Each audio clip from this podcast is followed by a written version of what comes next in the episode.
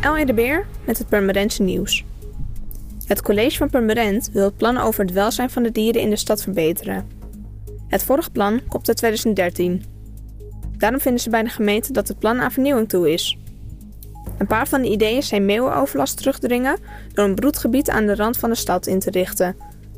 Een verbod op het voeren van eendjes en vuurwerkvrije zones rond locaties waar dieren zijn. Het is nog niet bekend wanneer het plan klaar is. Het Foodfest heeft verschillende activiteiten toegevoegd aan hun programma.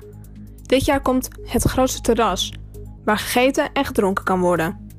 Ook is er uitzicht op optredens van onder andere Wolter Kroes en Travassi.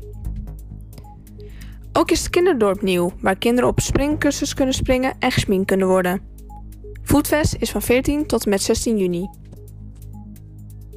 SN Inline Skate Club Permanent organiseert op zondag 16 juni de Superskate Day.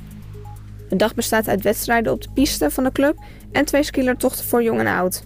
Het gaat om skielertochten van 10 kilometer en 45 tot 50 kilometer.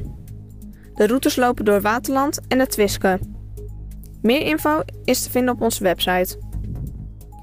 Voor meer nieuws, kijk of luister je natuurlijk naar RTV Permanent. Volg je onze socials of ga naar rtvpermanent.nl.